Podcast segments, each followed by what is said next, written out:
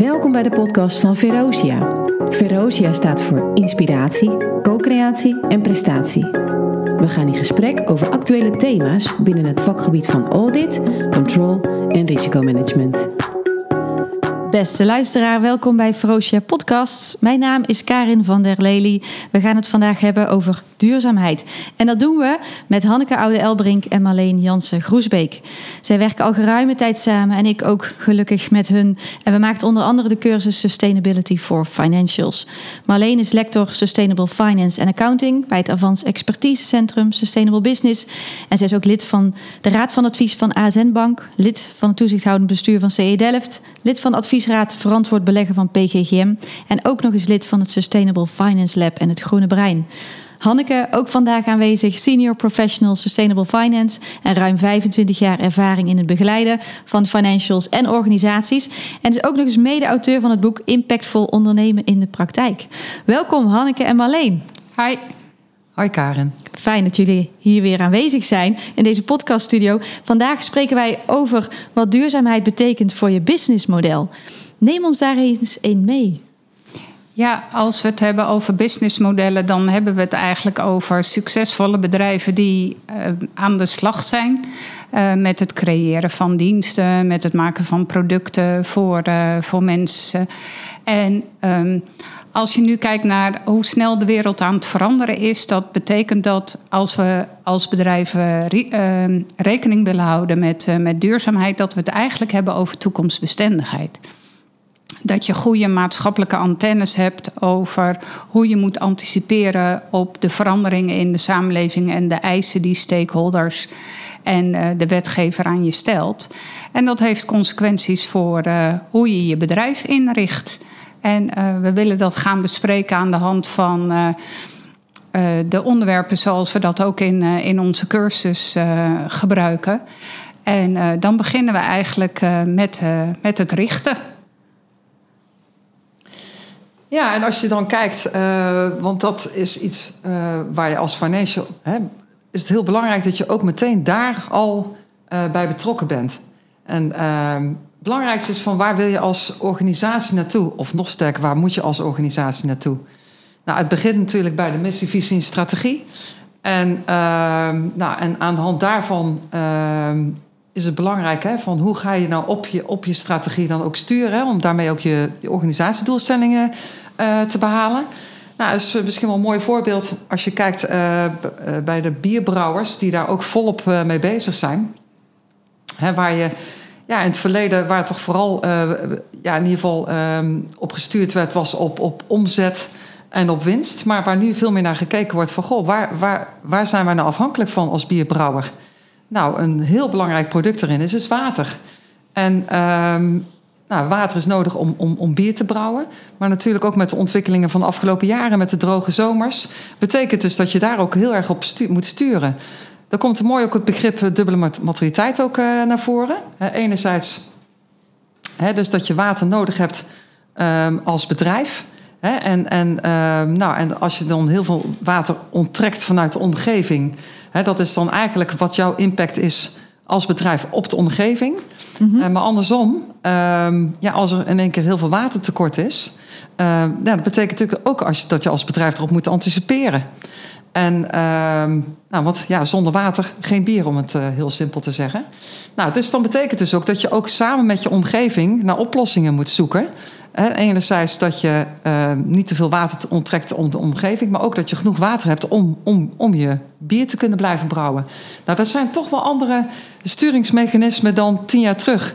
Hadden we wellicht ook wat minder, was het ook minder een urgent probleem.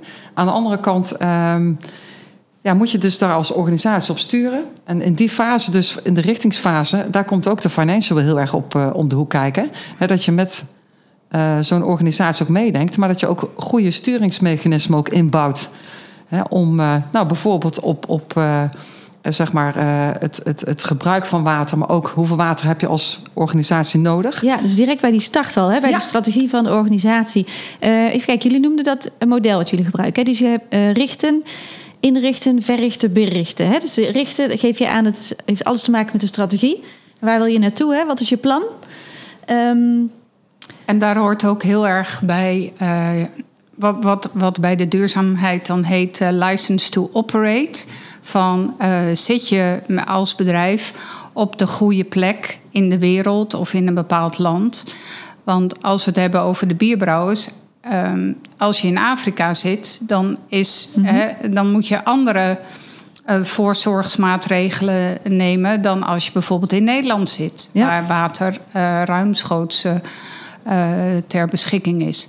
Dus ehm, dat betekent ook dat voor de financial binnen een bedrijf, dus zeg maar de risicomanager, dat die heel erg goed in de gaten moet houden van op welke plek in de wereld zit het bedrijf. En uh, wat voor consequenties heeft dat dan voor het in de gaten houden van de risico's? En, um, en daar hebben we eigenlijk ook uh, met het integrated reporting, met een model waarbij je verder kijkt dan people, planet, profit. Daar kijken we ook naar natuurlijk kapitaal en mm -hmm. menselijk kapitaal. Dus dat betekent dat op het moment dat je een management informatiesysteem gaat opzetten of gaat uitbreiden, je hebt over het algemeen nu een management informatiesysteem waar de traditionele dingen als HRM en uh, bedrijfsvoering uh, in zitten. En natuurlijk je financiële uh, KPI's. Maar hier moet je nu gaan kijken van wat zijn nou de uitdagingen, wat zijn nou de risico's voor, uh, voor de onderneming als we kijken naar hoe de wereld verandert. En dat kan je op verschillende manieren dan, dan inrichten. En wij zijn heel erg gecharmeerd van dat uh, model van de Integrated uh, Reporting Council, waarbij je kijkt naar financieel kapitaal, geproduceerd kapitaal, intellectueel kapitaal, menselijk kapitaal, sociaal kapitaal en natuurlijk kapitaal. En als we het dan over de bierbrouwers hebben, kan je zeggen van nou daar is natuurlijk kapitaal vanwege de afhankelijkheid van de landbouw. Uh, van granen, van water, heel erg belangrijk om in de gaten te houden. En dat heeft weer mm -hmm. consequenties op je inrichting van je managementinformatiesysteem. Ja, want dat is dan de volgende stap, hè? dus uh, dat, dat inrichten. Um, zou jullie ons daar eens in mee kunnen nemen? Wat we bij die stap moeten doen? Nou, misschien wel leuk om in ieder geval bij die bierbrouwers uh, te blijven. Um, ja, in de maakindustrie, hè, een bierbrouwer maakt natuurlijk bier, uh, speelt ook de, de circulariteit een grote rol. Hè. We zijn uh, momenteel zitten we in de ontwikkeling dat we vanuit een lineaire naar een circulaire economie uh, toe moeten gaan. Ja. En dat betekent dus ook dat je je hele businessmodel erop in moet richten. En dat is niet alleen de productie, maar dat is dus ook de inkoop aan de voorkant. Maar ook de achterkant. Dus het moet een, zoveel mogelijk een gesloten systeem zijn. Tenminste, daar gaan we naartoe. En dus ook de achterkant, de retourstromen. Hè, dus om het weer um, ja, zeg maar terug te krijgen, het productieproces weer in. Uh, betekent dus ook dat je dat bij de inrichting van je boekhouding dat ook uh, in mee uh, moet gaan nemen. Als ik jullie zo hoor, is het eigenlijk continu ook bij al die vier stappen: hè, van richten, inrichten, verrichten, berichten. Um, die eerste twee zijn we nu mee bezig om die te bespreken. Steeds belangrijk van wat is mijn impact op, op, op de wereld en wat is de impact van de wereld op onze organisatie. Ja, ik, hoor, ik hoor je dat steeds benoemen. Ja, en, en dat, dat heeft dus ook consequenties voor, uh, voor je bedrijfsactiviteiten. Dus zeg maar voor het verrichten. Want dat betekent dat je uh, voortdurend aan het bewaken bent wat jouw impact is. En wat die impact van de wereld op jou is. En op het moment dat je de risico's van bepaalde activiteiten uh, toe ziet nemen of juist af ziet nemen, dan kan je daarop bijsturen. Dus het is eigenlijk zou je kunnen zeggen van. Um, Voorheen was vooral de duurzaamheidsafdeling die allerlei maatschappelijke antennes had, samen met de public relations afdeling die voortdurend het, de leiding van het bedrijf informeerde over van eh, de kansen en bedreigingen op uh, niet-financieel gebied. En nu zie je eigenlijk dat uh, alle afdelingen van de onderneming, de financiële afdeling, de duurzaamheidsafdeling, de marketingafdeling, voortdurend met elkaar uh, moeten blijven communiceren van welke kansen en bedreigingen komen er nou uh, op ons af en hoe kunnen we dan uh, bijsturen om die toekomstbestendigheid, om die continuïteit van die onderneming te blijven bewaken En, en je aan te passen aan de nieuwe eisen van de wereld. Ja, precies. Met dat steeds als hoofddoel in uh, gedachten. Waarbij je dan start inderdaad met die strategie. Um, dan eigenlijk heel analytisch gaat inrichten. Zo'n management-informatiesysteem dat daar heel mooi bij past. Bij die doelen die je hebt. Uh, het risicomanagementsysteem in lijn brengen. Um, ja, de boekhouding, hè, met de zes kapitalen daarin uh, opnemen. En dan bij de uitvoering, het, het verrichten, als ik jullie zo goed beluister, die samenwerking met al die afdelingen in die uitvoering zodat je ook daadwerkelijk wat je hebt bedacht bij het richten en inrichten ook uh, tot uitvoering kan brengen. En um, heb je daar nog iets over te, voegen over verrichten of kunnen we door met die laatste stap? Want daar ben ik ook wel benieuwd naar.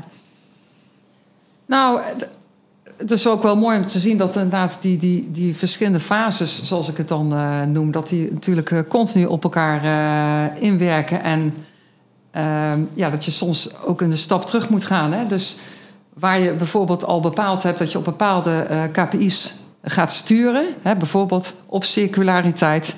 Hè? Dus dat je daar je inkoop, um, hè? dus, dus je grondstoffeninkoop daar op in gaat richten. Hè? Mm -hmm. Bijvoorbeeld door te werken met puur recyclede producten. Hè? Dat ja. kan bijvoorbeeld een, een KPI zijn. Ja, en dat ja. betekent dus al dat je daar je boekhouding daarop op in moet richten. Maar ook dat je daar moet gaan samenwerken met de desbetreffende afdelingen... die ook die informatie en de expertise erover hebben. Ja, precies. En uh, nou, aan de ene kant heb je natuurlijk ook te maken met de systeemorganisatie... het hele management informatiesysteem. Maar je hebt natuurlijk ook de menselijke kant. En daar trek je ook weer heel nauw op met, uh, met HRM... Um, ja, ja, en we zijn zo goed als een ja. zwakste schakel. Dus, uh, ja. dus, dus, al die onderdelen zijn gewoon ontzettend belangrijk. We moeten kijken van, hé, hey, waar moeten wij nog op verbeteren? Ja. En dat onderdeel berichten, neem ons daar eens in mee. Ja, je, je, kijk, we hebben het bij berichten heel erg vaak over externe verantwoording. Hè? Het jaarverslag of uh, tegenwoordig uh, alle grote bedrijven maken een integraal jaarverslag. Maar berichten betekent natuurlijk ook interne verantwoording aan elkaar. En daar had Hanneke het net over. Van, uh, je moet elkaar blijven informeren over uh, hoe ver je bent uh, met het integreren van, van al die duurzaamheidseisen in je onderneming. Het voordeel van een extern jaarverslag is dat je het heel erg moet maken voor je stakeholders, ja. voor je financiers, voor je klanten, voor je medewerkers. En het voordeel van een, uh, van een mooi integraal uh, jaarverslag is dat je zelf ook kan lezen van hoe alle afdelingen op elkaar, uh, op elkaar inwerken. Dus eigenlijk ben je aan het controleren of alle dingen die je beloofd had om te doen, of die ook werkelijk waargemaakt zijn. En ook hier heb je dan weer de mogelijkheid van bijsturen. Als je zegt van nou, we hebben bepaalde doelstellingen dit jaar niet gehaald. En uh, en, en je moet uh, daar uh, ja, met de billen bloot, je moet daar verantwoording over afleggen aan, aan de buitenwereld. Dat betekent dat je daarop aangesproken wordt. En wat je ziet is dat de samenleving steeds meer vragen stelt over de kwaliteit van de winst. Van hoe hè, mensen hebben helemaal geen bezwaar tegen het feit dat bedrijven winst maken. Ze snappen heel goed dat dat moet gebeuren om de continuïteit van de onderneming te waarborgen. Maar het gaat wel om de kwaliteit van de winst. heb je die winst gemaakt over de ruggen van mensen in ontwikkelingslanden? Of heb je die winst gemaakt over de ruggen van Nederlandse mensen die allemaal voor bescheiden inkomens heel hard moeten werken? heb je milieuschade aangebracht, waardoor je zelf je eigen winsten op peil hebt gehouden? Dus het gaat niet zozeer over van dat we vragen hebben over uh, hoe hoog de winst is, maar veel meer van hoe heb je die winst gecreëerd. En uh, ja, daar, uh, daar leg je dan in zo'n integraal jaarverslag beter verantwoording over af dan als je alleen zou rapporteren over je winst en je omzet. Ja, dat is natuurlijk een geweldige extra stok achter de deur. Hè? Als je het, als je het uh, hoort over individuele businessmodellen, als je dan tips krijgt van hoe zorg je dat je ook echt gaat doen wat je eigenlijk altijd al in je hoofd had, maak het wereldkundig, zeggen ze dan. Hè? Dus dit is natuurlijk ook een prachtige manier om het wereldkundig te maken en die, uh, ja, te streven naar die ultieme transparantie van jouw bedrijf. Uh, in zo'n jaarverslag, waarmee je dus door het transparant te maken zorgt dat je de kans aanzienlijk vergroot uh, dat, dat dit gaat lukken. En dat, die hele keten hierop kan gaan samenwerken met uh, al die stappen die jullie hierbij uh, benoemen. Nou, wat ook wel, het is ook een heel mooi moment van bezinning. Hè? Dus als je, als je inderdaad zo'n verslag opmaakt. Ja, op dit moment is het dan één keer per jaar. Maar je ziet dat bedrijven daar eigenlijk al continu over rapporteren. Hè? Dus dat continuous reporting. En enerzijds verantwoording afleggen. Aan de andere kant ook meteen weer sturing. Hè? Dus oké, uh, we hebben bepaalde doelstellingen niet behaald. Hoe moeten we daar weer op acteren? En wat je hierbij ook ziet is dat finance... Uh, ja, waar het eerst toch meer een soort van geïsoleerde afdeling was... is dat, uh, dat je juist heel erg ook die centrale rol er in die zin hebt dat je enerzijds dus die managementinformatiesysteem inricht, hè, waarbij ook al die kapitalen ook gewaardeerd gaan worden, is het er anderzijds ook dat je uh, overal naar die organisatie naartoe moet gaan waar die informatie is, hè, waar ook die expertise uh, daarover is. Dus daar komt ook heel duidelijk ook die samenwerking, ook die wederkerigheid, hè, dat enerzijds finance nodig is hè, voor dat managementinformatiesysteem, zodat die andere afdelingen ook kunnen sturen. Um, maar anderzijds ja. ook uh, ja, de expertise van die afdeling ook. Want die moeten daar dus weer op gaan acteren. Ja, ja dus onder bericht is echt die interne verantwoording. Zodat je snel kan bijsturen. Hè, en op korte termijn. En die externe verantwoording. Die ook weer heel veel positieve signalen en uh, incentives afgeeft. Hè, om te, bij te sturen uh, binnen jouw bedrijf. Um, zijn er nog andere punten die jullie daar willen nou, zeker ook dat berichten is heel erg belangrijk voor uh, toekomstige financieringsvragen. Hè. Beleggers en uh, banken willen steeds vaker een, een, veel bredere rapportage zien over, uh, over die impact die, die ondernemingen hebben. Aan de andere kant zie je bijvoorbeeld bij non-profit organisaties die vooral uh, die eigenlijk een maatschappelijke taak hebben, zie je een verschuiving heel erg naar het financiële. Ze kruipen naar elkaar toe. Ze kruipen naar elkaar toe. Je ziet ja. dat profitorganisaties veel meer uh, laten zien over hun maatschappelijke impact. Terwijl non-profit vanwege ja, het schaarse geld wat er nu naar maatschappelijke organisaties gaat, ja. veel meer opschuiven naar. Uh, dat zij laten zien wat het financieel rendement van, van die subsidies en en donaties zijn. En dat is wel jammer, want non-profit organisaties hebben juist uh, die maatschappelijke taak. En je zou veel meer bij hen willen zien van hoe wordt dat geld nu uh, ingezet om die in maatschappelijke impact uh, groter te maken. Ja, wat zijn de uitkomsten van de input? Hè? Die, ja. de, er zijn allerlei resources die daar uh, ter beschikking worden gesteld. En wat zijn daar die uitkomsten van? En hoe is dat tot stand gekomen? Dus eigenlijk moeten we de best of both worlds bij elkaar eh, pakken. Zeker, ja.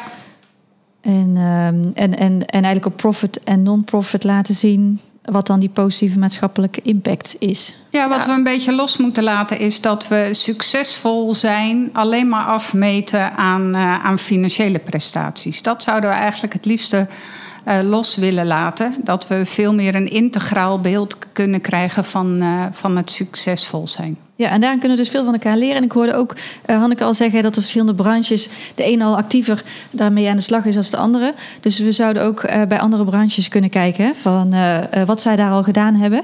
Ja. en wat wij van ze kunnen leren. Nou ja, en, en over die non-profit... die, die, die zichtbaarheid van die maatschappelijk rendement... Um, het is ook wel heel mooi om te zien hè, dat, dat inderdaad, het komt heel erg in die zin samen. Hè, waarbij de ene uh, veel duidelijker moet laten zien hè, van wat nou uh, de profit, de maatschappelijke impact uh, laten zien. Is aan de andere kant die maatschappelijke organisaties die eigenlijk al die maatschappelijke impact al hebben, intrinsiek ja, hebben, dat die dat veel meer zichtbaar moeten maken. En daar kunnen financials een belangrijke rol in die zin in spelen. Ja, is dat zij toch uh, aan die niet-financiële kapitalen. Want ja, we willen toch zoveel mogelijk ook uh, niet-financiële kapitalen toch daar een, een, soort van prijskaartje aan uh, zien. Hè? Die bedrijfseconomische taal. Ja, het monetariseren daarvan, en dat kan echt niet altijd. Maar toch die vertaling naar de euro's. Ehm, ja, daar kunnen financials ook een hele belangrijke rol in, in spelen. En daar hebben ook maatschappelijke organisaties ook heel veel behoefte aan. Want op die manier kunnen ze dan weer, doordat ze laten zien wat hun impact is makkelijker aan subsidies eh, komen. Ja, en daar zou het goed zijn dat we gebruik maken van de best practices hè, die er al zijn. Dat we niet allemaal het wiel uh, uitvinden. Dus uh, ga vooral met elkaar in gesprek en met andere bedrijven in gesprek. Hoe doen jullie dat al? En wat kunnen wij daar ook heel snel van overnemen? Ik denk dat we bij de quote zijn beland, Hanneke. Ja, de mooie quote um, van wat, wat betekent duurzaamheid nou? Uh, toekomstbestendig, continuïteit van je bedrijf. Nou, bedrijven kunnen alleen maar succesvol zijn in een wereld waar mensen zichzelf kunnen ontwikkelen binnen de grenzen van de planeet. Ja, en hierbij dus een oproep voor de, al die financials die luisteren om daar ja. een bijdrage aan te leveren met de tips uh, die vandaag langs zijn gekomen. Hartelijk dank, Hanneke en Marleen, voor jullie bijdrage aan deze podcast. Ben jij nou benieuwd naar de overige podcasts van Ferocia? Beluister ze dan op www.ferocia.nl/slash podcast of via je favoriete podcast-app. Voor nu heel veel dank voor het luisteren en graag tot de volgende podcast van Ferocia.